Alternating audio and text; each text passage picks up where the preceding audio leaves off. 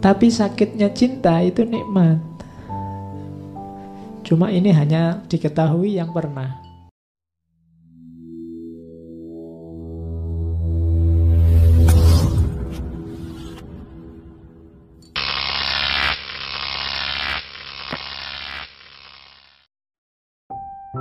Nah, ini yang penting. Leonardo punya gagasan khusus tentang cinta. Life without love is no life at all. Kalau hidupmu tidak ada cintanya, unsur cintanya tidak ada, maka sebenarnya kamu tidak sedang hidup. Buat apa hidup sekali kok tidak punya cinta? Yang membahagiakan itu cinta. Kalau tidak percaya, ya coba kamu alami. Karena unsur yang paling mulia, unsur yang paling berharga dalam kehidupan kita, fasilitas yang paling mewah yang diberikan oleh Allah pada manusia itu cinta. Selain manusia tidak. Jadi hidup tanpa cinta is no life at all. Terus ada quote selanjutnya, if there is no love, what then? Kalau tidak ada cinta terus gimana kita harus hidup? Hidup kita tidak akan ada nilainya. Ketika tidak ada cinta, maka hidup kita isinya adalah pamrih-pamrih. Interest-interest, kepentingan-kepentingan, egoisme-egoisme. Yang ini semua sumber segala macam konflik dalam kehidupan kita. Jadi kita butuh cinta. Bukan budak cinta loh ya. Ya. Kita butuh cinta. Nah, meskipun begitu, katanya Leonardo, semakin dalamnya rasa akan semakin besar sakitnya. Sakit itu tidak harus nunggu diputus loh ya. Meskipun tidak putus, itu cinta itu kan perjuangan. Cinta itu pengorbanan. Yang pertama dikorbankan itu ego. Dan itu sakit. Mengorbankan ego itu kan sakit. Kamu pinginnya ABC, tapi karena ada dia yang ABC harus kamu ganti DEF. Loh itu kan pengorbanan dan itu sakit. Tapi sakitnya cinta itu nikmat. Cuma ini hanya diketahui yang pernah.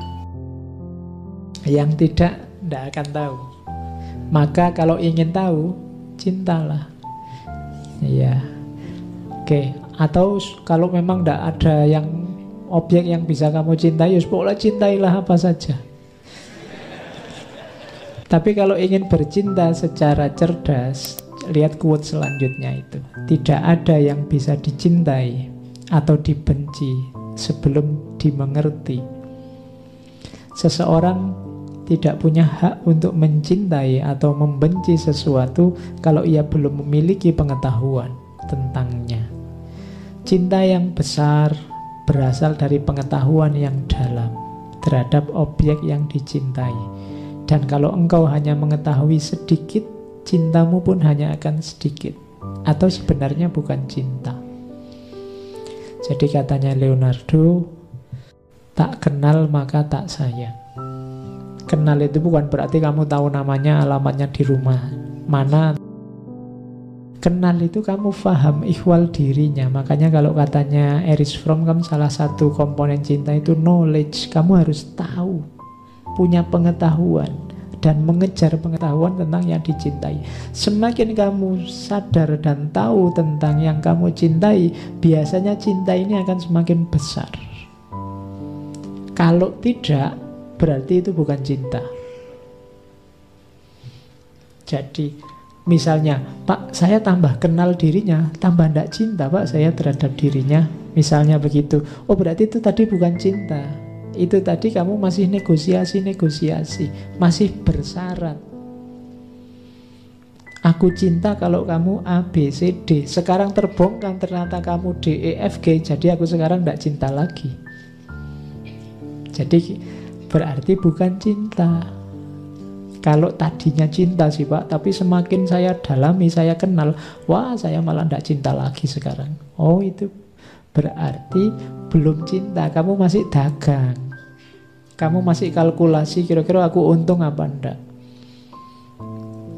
Jadi kalau itu memang jatuh cinta beneran, cinta yang sejati, seperti apa pun dirinya, akan kamu terima. Cuma cinta juga ada care dan responsibility. Kalau itu jelek, kamu akan berusaha mengubah dalam konteks cinta.